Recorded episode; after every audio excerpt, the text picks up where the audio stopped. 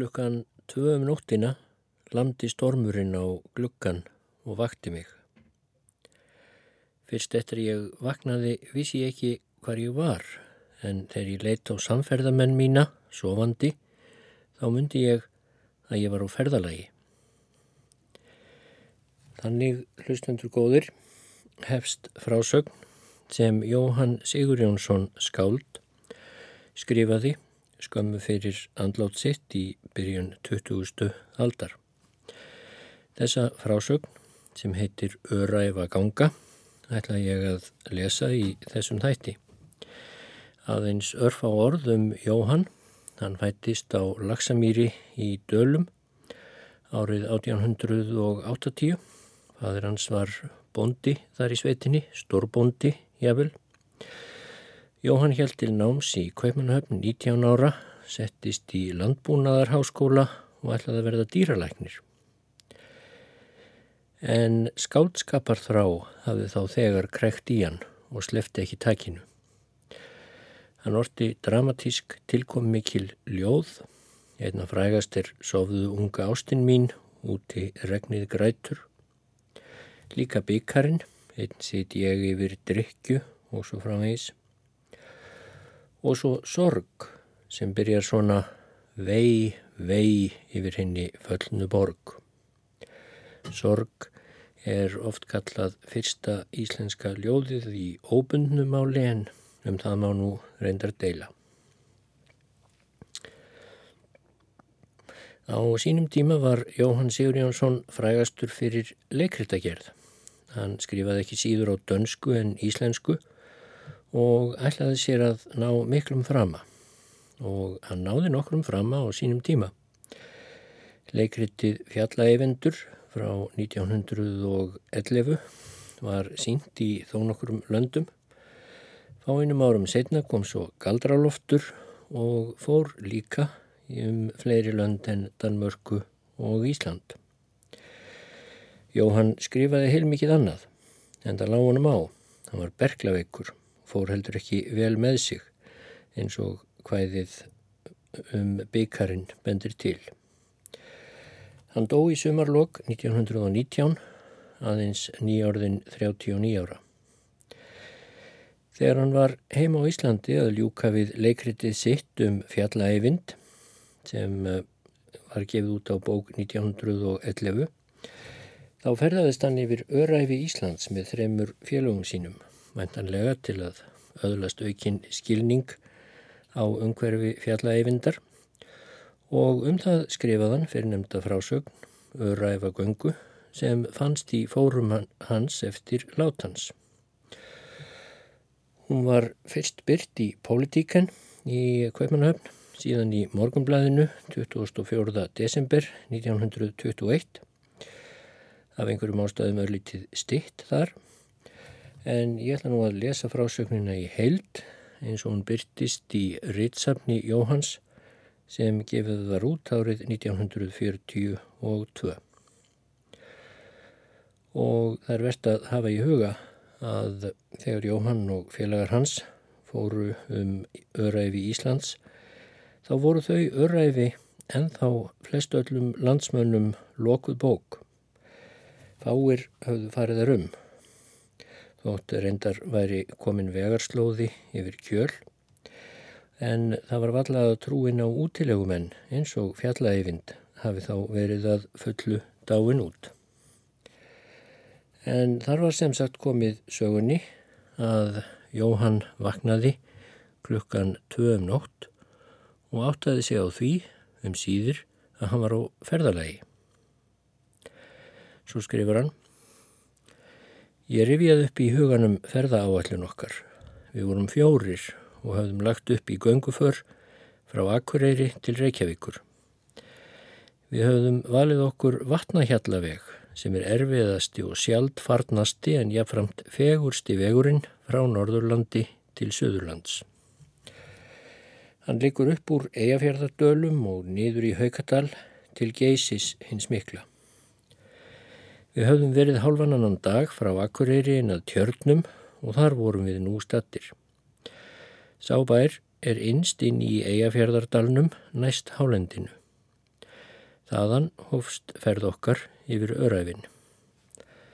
Við höfðum mæltað á landabrefinu að 20 mílur væru milli bæja eftir betni línu og þá leið ætlunum við að fara á fjórum dögum síðan að kvíl okkur einn dag við geysi en ganga svo á tveimur dögum þaðan til Reykjavíkur.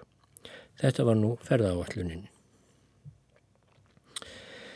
Við höfðum með okkur nesti og tjald og sveppoka úr vassheldur lérefti því við vissum að upp undir jöklunum getum við fengið á okkur snjóhríð þótt sumarværi. Fylgdarmadurinn hafði komið á eftir okkur og náð okkur kvöldið áður. Allt var því í reglu. Ferð líkist að því leiti ungri ást að hún fyllir hugan draumum og eftirvendingu og stundum líka óta.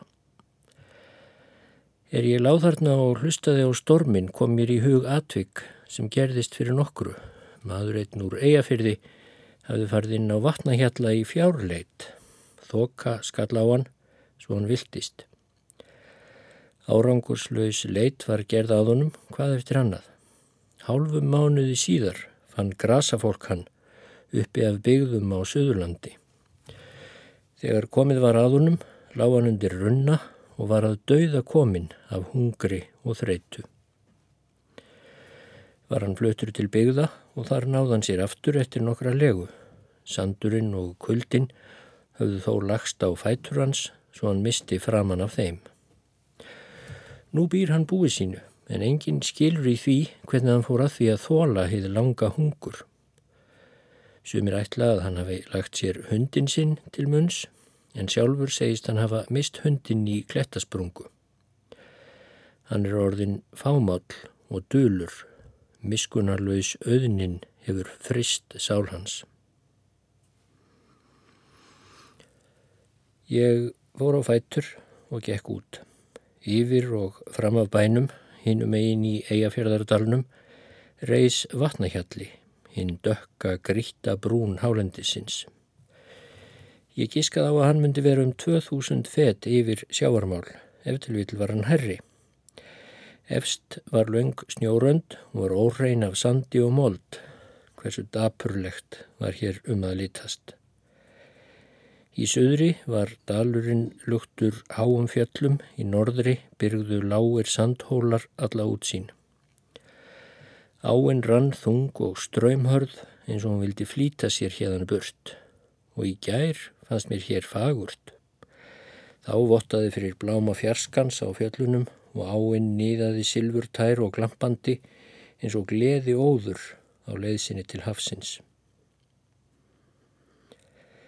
Ég snýri baki við stormi og nótt og hátaði. Ég þröngvaði hugsunum mínum til að hverfa ofan úr fjöllunum niður í byggðina. Ef til vil væri eitthvert síldarskipið nýkomið með góða veiði. Um þessar myndir var það því nær daglegur viðbörður. Ég sá síldarstúlkurnar í anda. Er þær streymdu út úr húsunum með gular ólíusvöndurnar. Þær hlæja og hljóða upp yfir sig. Þær hlaupa til vinnunar eins og þær væri að fara á skemmtun. Er það ekki líka einskjert æfintýri fyrir sveitastúlku að geta unnið sér inn tíu krónur á einum sólarhing? Fyrir fáum árum var allt árskaup hennar aðeins þrefalt á við það. Þess vegna þyrpast þær að sjónum. Á strandinni líkur síldin eins og haugar af silfri, þær þurfa að ná sér í handvilli eins og aðrir og bændabílinn tæmast. Bondin horfir raunamætur á grösugar engjarnar ónýtjaðar og í hjarta sínu formælir hann hinnu hugsunarlösa örlæti hafsins. Ekki veit ég hvað nóttin hafi gert af skíunum en þegar ég var vakinn klukkan 6 um morgunin var heiminin heiður og blár og komið lokn. Ekkert er jafn indistlegt á okkar blessuðu jörð og fagur sumarmorgun. Fjárhúsin hvað þá annað voru að sjá eins og þau væru nývöknuð. Við tókum saman farangur okkar og lögðum af stað, bestu óskir fylgd okkur, nokkrar telpur stóð á hlaðinu og störðu á eftir okkur eins og menn stara á haustin eftir síðustu farfuglunum. Þegar við komum niður á ánni fórum við úr sokkum og buksum. Við höfðum vaðiðan áður til að komast heimað bænum, svo við konnuðumst við hana. Hér var hún lítil og meinleisisleg, en niður við Akureyri þar sem hún fellur í hafið er hún orðin að stóru fljóti. Ég hef ekki trúaði að þetta væri sama áinn ef ég hef ekki gengið meðfram henni mílu eftir mílu. Vaðið yfir lækina og árnar sem í hana fjallu og séðan að verða minni og minni þangar hún kvarflóks á milli fjallana innst inn í dalnum eins og ofurlítill glitrandi ormur. Vatnið var kallt og nýsti tærnar en við fundum það aðeins sem allara snöggvast og eftir voru fætur okkar kátir. Þar sem brekkurnar hófust námum við staðar til þess að líta eftir flutningnum. Þar það var engin vegur, engin stígur en uppi við snjóskapl í brúninni stóð varða og eftir henni stýrðum við eins og vita. Sandurinn létundan fótum okkar og steinarnir uldu niður en við færðumst herra og herra upp. Í miðri brekkunni náum við staðar til að njóta útsýninnar yfir dalinn. Þarna voru lágu sandöldurnar sem áður fólu sín í norðri og síndust eins og smáar þúfur en á millið þeirra lítil fallegu tjörn. Við heldum svo áfram upp eftir og hlupum síðasta spottan. Við höfum búist við að sjá landin í land af brúninni, sjá kvíta sólglitrandi jökla, en við sáum ekkert annað en bera eðimörk. Við skingdumst eftir því hvort ekki veri kveðja til okkar í vörðunni, en hún var engin. Nú var klukkan orðin nýju.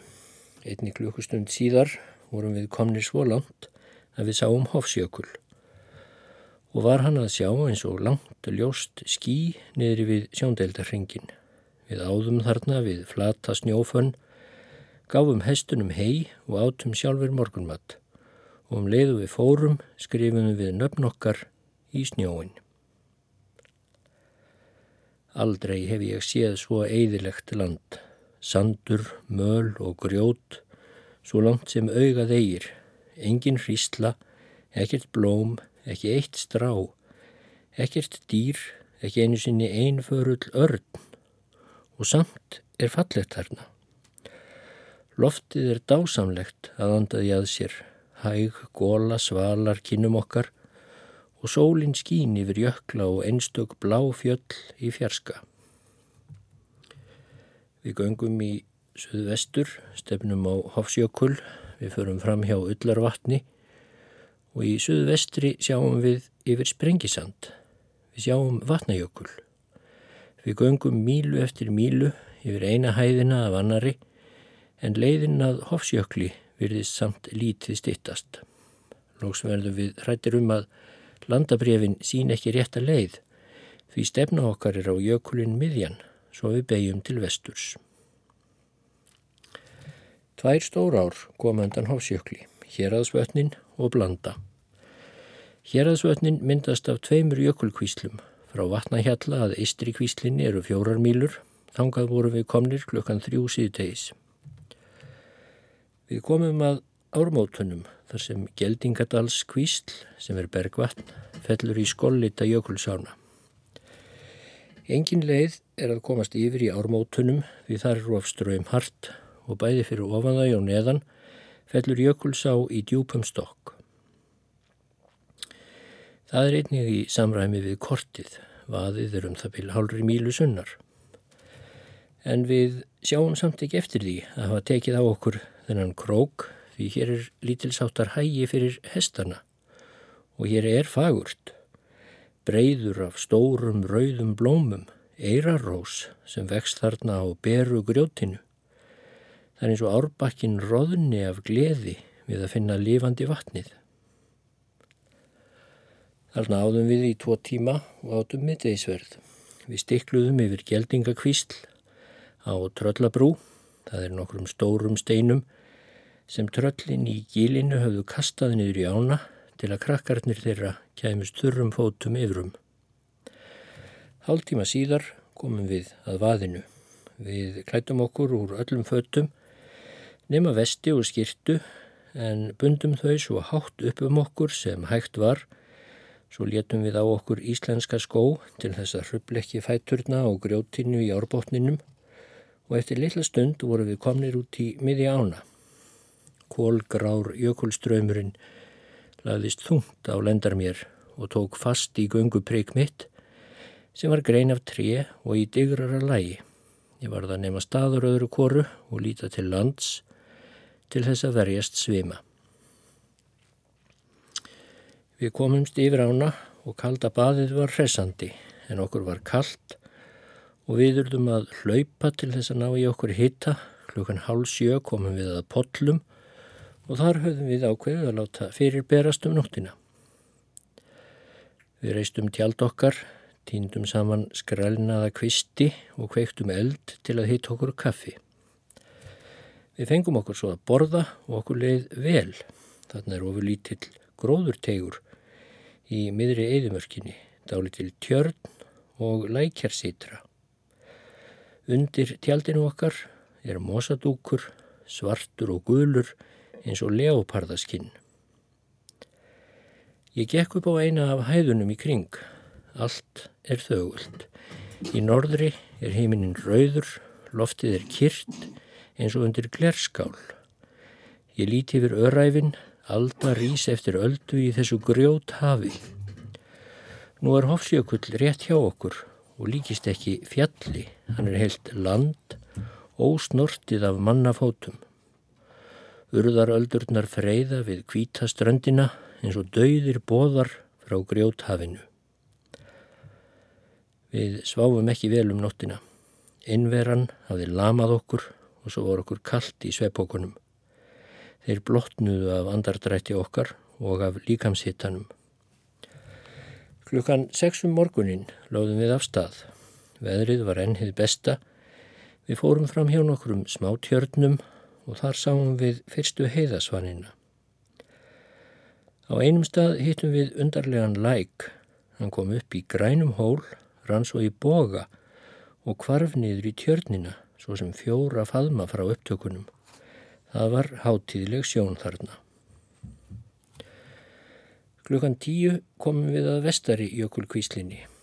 Hún er nokkur minni en hinn eistri og þar sváfum við í tvær stundir. Samkvæmt landabrefinu voru hér um byrj fjórar mýlur frá þessum stað til hverjavalla og þar ætluðum við að eiga náttstað. Við byggumst við að náþangað klukkan áttuðum kvöldið. En þar skjáttlaðist okkur. Við gengum klukkustund eftir klukkustund yfir öræfi sem voru ég vil enn eðilegri en þau sem við höfum farið um daginn áður. Alltaf er hofsjökull á vinstri hönd og okkur sínist hann stöðugt vaksa og vaksa. Það er eins og hann fleti úr sér til þess að ná yfir sem mest land og fallegur er hann ekki lengur. Hér er hann grár og leirborinn. Við vöðum yfir blöndu, eina kvíslina eftir aðra og þær verða stærri og stærri. Yfir tvær þær síðustu riðum við til þess að spara tíman. Nú er veðrið færið að breytast, komin stormur sem þyrrlar upp í loftið stórum sandskíjum og ríkskíjum. Lóksins klukkan halv ellum um kvöldið hættum við að hugsa til þess að ná til hverjavalla og reistum tjald okkar í hliði við sandöldu og voru þar á stangli nokkrar kræklóttar smáhríslur. Í annað sinn skriðum við inn í sveppókana. Um nóttina kom hellir regn og í storminum dundið að eins og hagl skúra á tjaldinu. Klukka var orðin tíu er við lögðum af stað þriðja öræfa göngudaginn. En var rigning en það var komið lokn. Þegar leið á daginn hætti það regna og heimnin var það mestuleiti heiður. Í hvert sinn er við komum upp í hæðadrag heldum við að Nú myndum við sjá hverareikina framöndan okkur, en það rættist ekki fyrir klukkan hálf eitt. Þá sáum við ljós gufuskí lifta sér letilega upp frá jörðinni og fyrir neðan okkur lág græn slétta. Til að sjá var þar, eins og þarna væri falin einstakur bondabær mitt í öræfunum.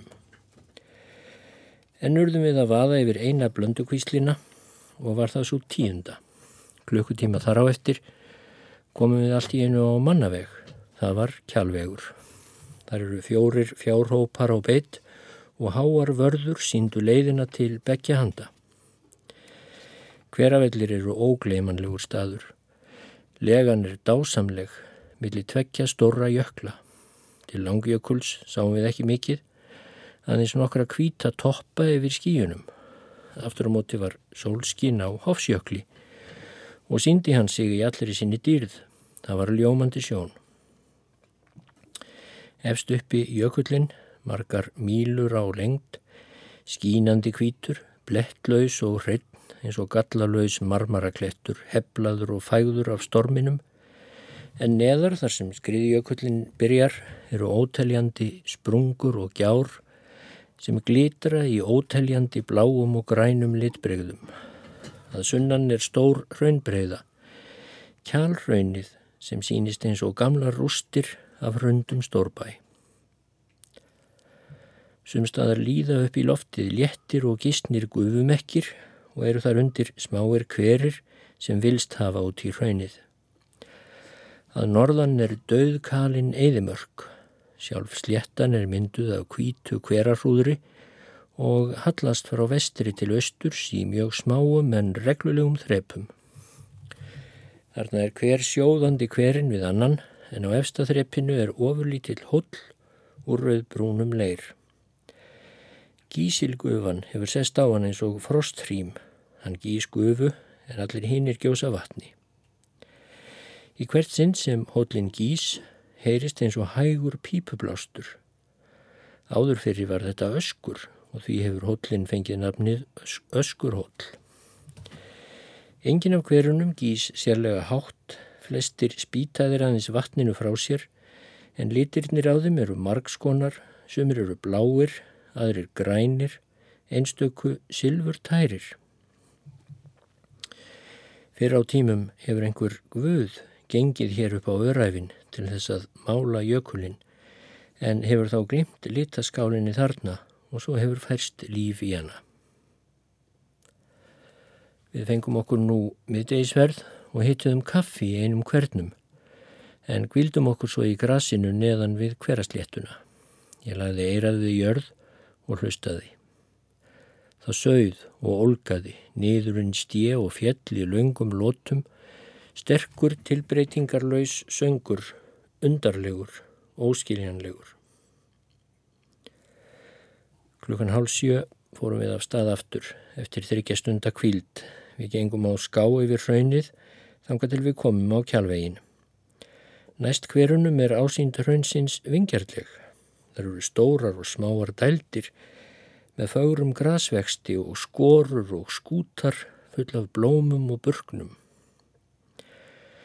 En þegar sunnardregur verður hraunnið hrikalegra og berara og þar sést ekki annar gróður en fjallamossi.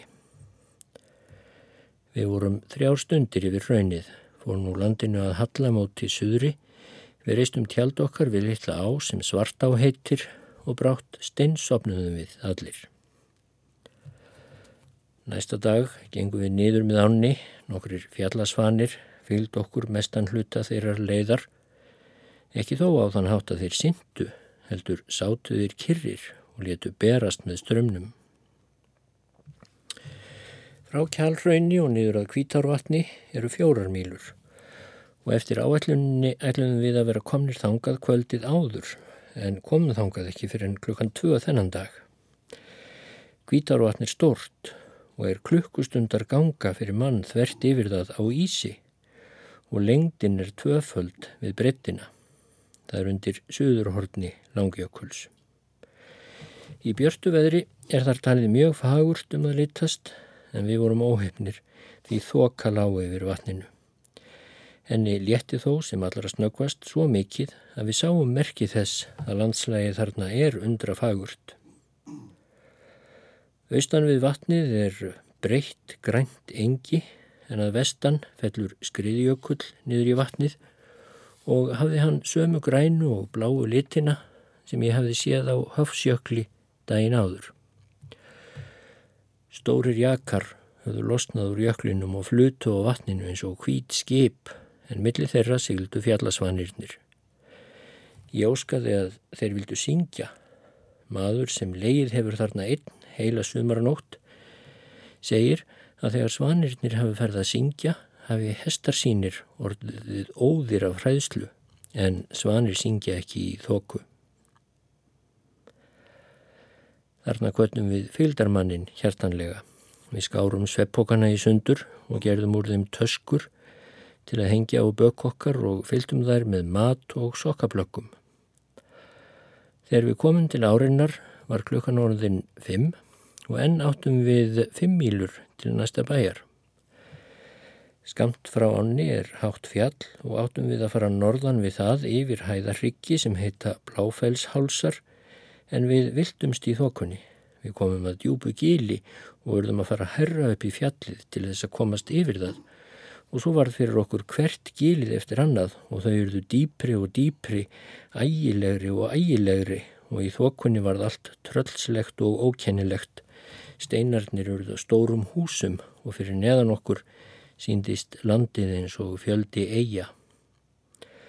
Við fórum herra og herra þanga til við rákum okkur á þann snjó sem aldrei þiðnar. Þá kunnum við ekki annað ráð betra en snúa við til áreinar og láta hana vísa okkur leið nýður aftur. Alla nóttina gengum við, þokan hjekk loðinn og þöl við fött okkar og fætur okkar voru sárir og bólnir og þungir af vatni og leir. En með dagrenningu létti þokunni og þá sáum við sjón sem glatt okkur og örfaði hjertsláttin.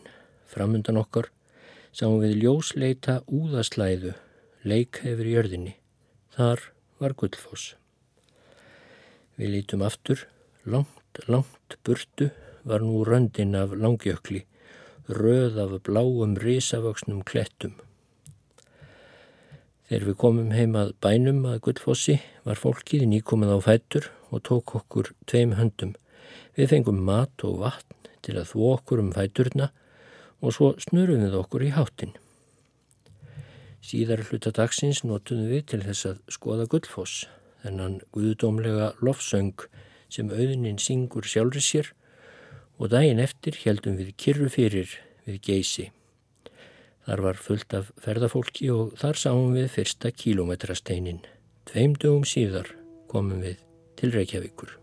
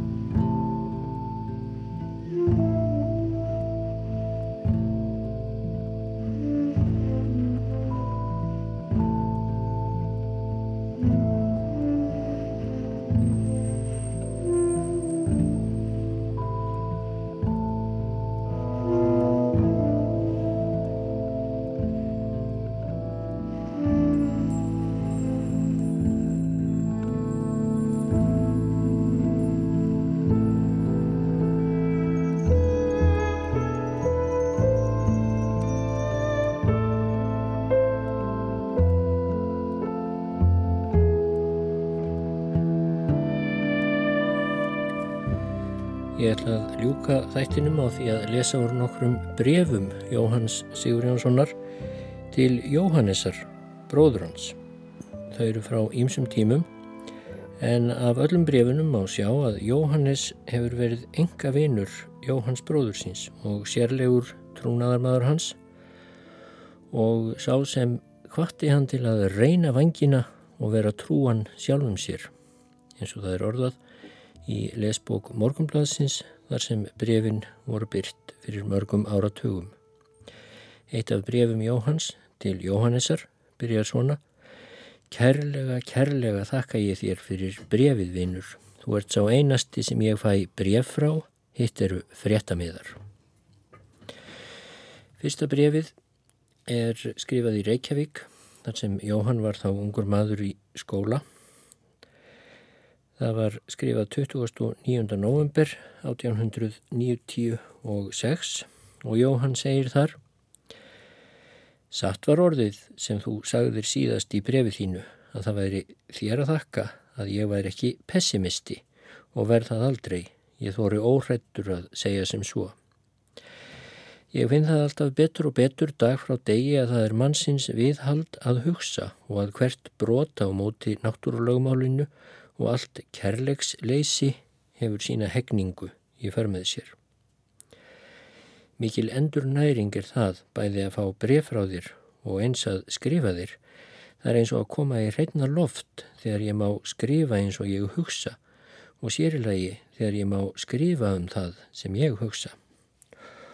Og það er verið að spila á horn úti, andin eða hugurinn í mér tekst á loft við hverja hljómbilgu sem myndast.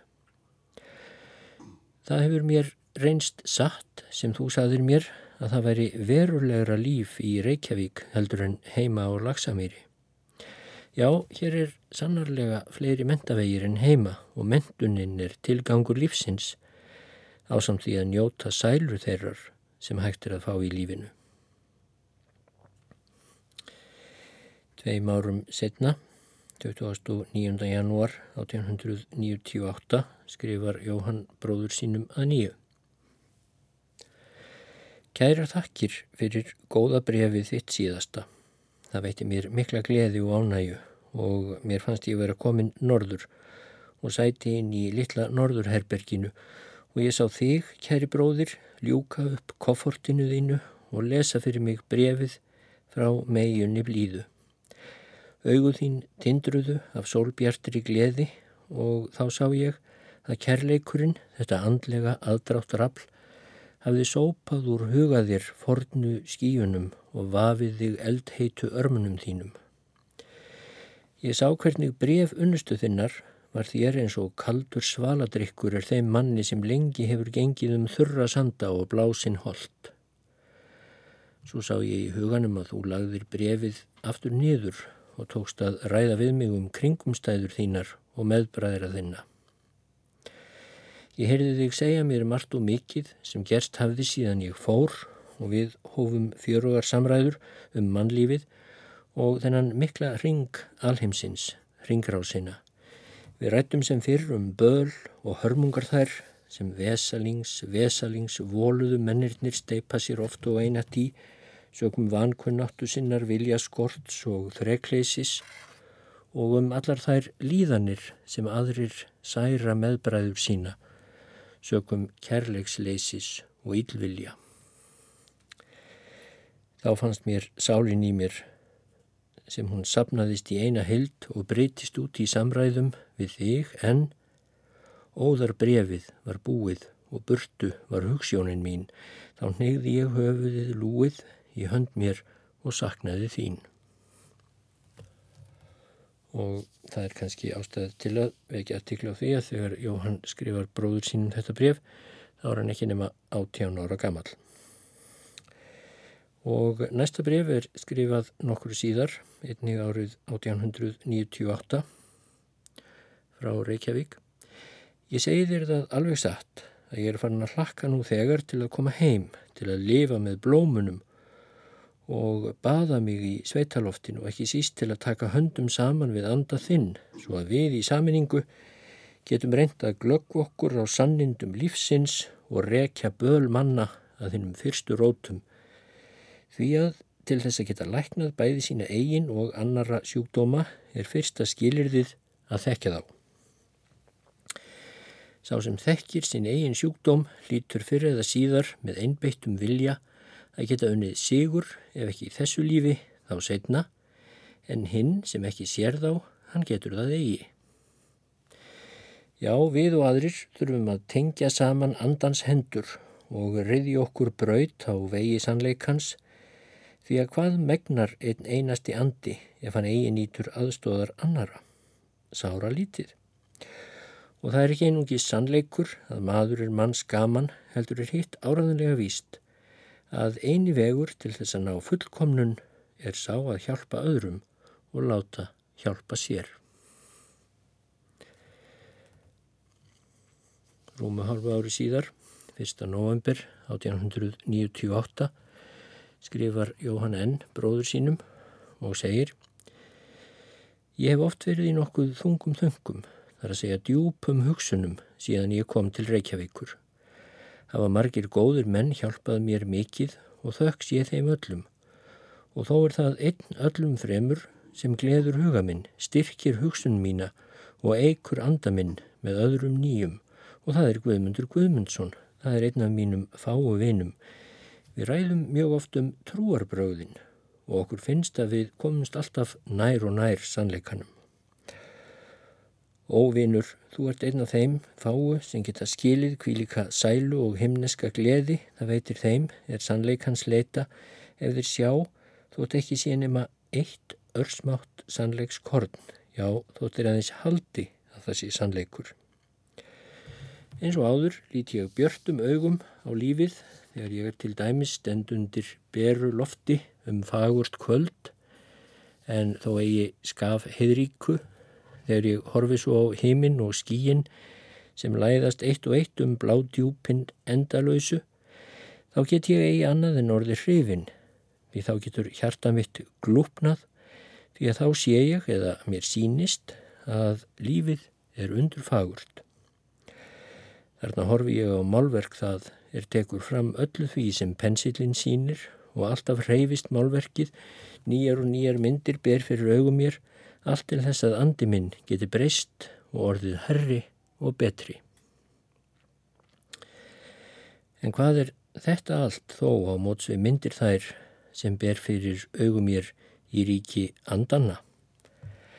Hvað er þetta á móts við hrigð og gleði, hlátur og grátur því andin er efninu meiri?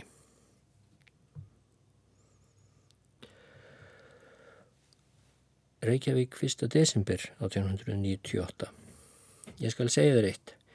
Ég hef mikið verið að hugsa um það nú langan tíma hvernig á því geti staðið að stundum virðist eins og dýrin, til dæmis kettirnir, séu miklu sætli en mennirnir og þykist nú vera búin að finna ástæðuna. Kettirnir hafa aðeins örfáar nöytnir en þessum nöytnum geta þeir oft og einat fullnægt. Maðurinn þar á móti hefur margar nöytnir, þar að segja hann hefur löngun til að sjá, heyra og skinja margt sem honum gefst eigi kostur á. En fagnið og verið gladir þið menn sem þegar hafið fengið augun opinn fyrir mörgum fögurum nöytnum, þið sem brennið af löngun til þess að gagn skoða náttúrunar dýrð og ransa kalendardóma lífsins. Verið vissir um að hínum eigin einhver tíma síðar mun náttúran hafa gætt ykkur skilningarvitum þeim er því getið greint þetta með er mest líkur ykkur nú á hjarta og þó að þá komi nýjar kvatir þá muniðu þó alltaf verða sætli og sætli eftir því sem því getur orðið varir við umheimin í fleiri myndum. En kettir eða hugsunarlausir menn munu eigi fá ný skilningarvit fyrstu hríðina því fyrsta skilirðið fyrir því að geta fengið fullkomnun er að æskja hennar. Það hefur eindir ávalt óróa í förmið sér, en sá órói er það meðal er leiðir andan að fullkominni sælu. Þess vegna segi ég, fagnið og verði gladir þið sem sjáuð hversu mikið ykkur vantar. Það er vegurinn til þess að þér öðlist meiri sælu en þá sem þegar er fengin. Næsta breyf er svo skrifað frá Kaupmannahöfn 11. apríl 1902. Skildi mannkinnið nokkur tíma komast svo langt að það geti fætt sig og klætt svo að segja fyrirhafnar laust. skildi það nokkur tíma áhyggjulust geta notið fegurðarinnar sem blasir við í umheiminum sem liftrar frá eldingum heiminsins og ángar í ilmi skóarins. Því veru og miður verður þess langt að býða. Mér finnst stundum svo ótrúlega margir ekki hafa hæfileika til annars en vera vinnudýr.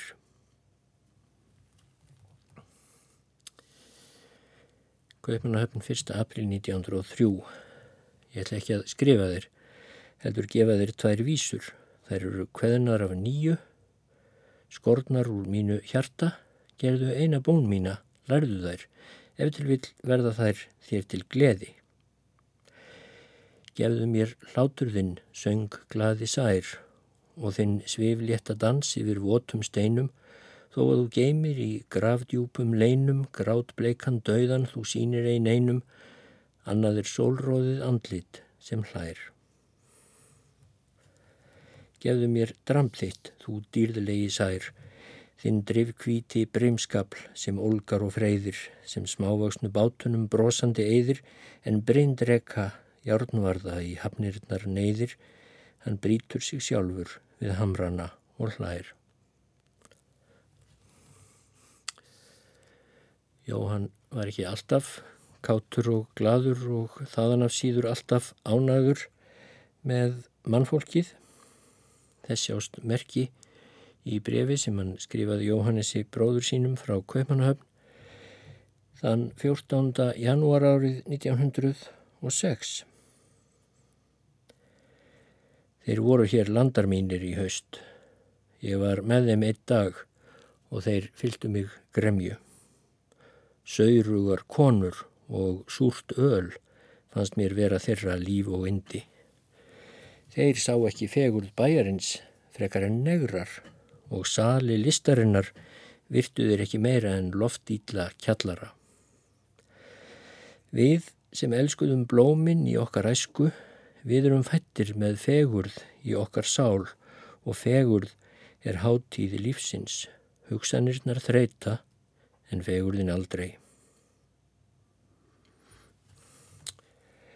Rúmum áratug síðar, árið 1917, þá stendur fyrir heimsturjöldin sem hæst og þá skrifar Jóhann bróður sínum.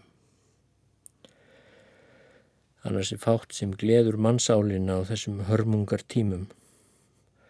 Aldrei hafa mennirnir spilt gleði lífsins á viðbjóðslegan hátt eins og nú og eini vonar bjarmin sem lýsir yfir öllum þessum fádæmum er að þetta eftir vill verði í seinasta skiptið sem skinnsemi getar verur láta valda sjúka öldunga reka sig eins og söðfje út á blóðvöllin til þess að svala metorðakirn þeirra.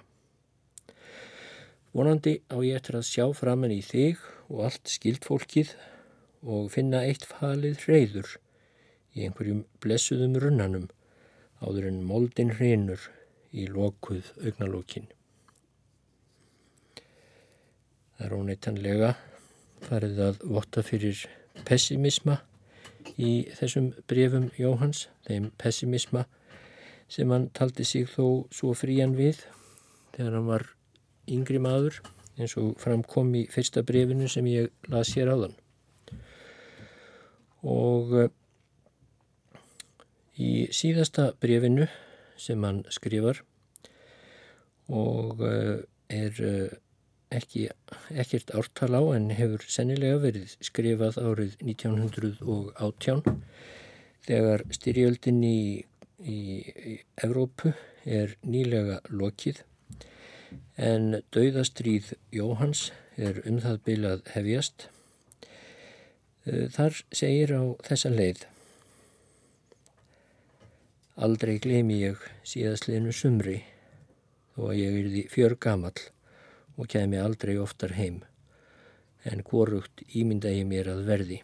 Sá fegursti blettur sem ég hef séð af jörðinni en sem komið er það er lagsamýri vetur, sumar, vor og haust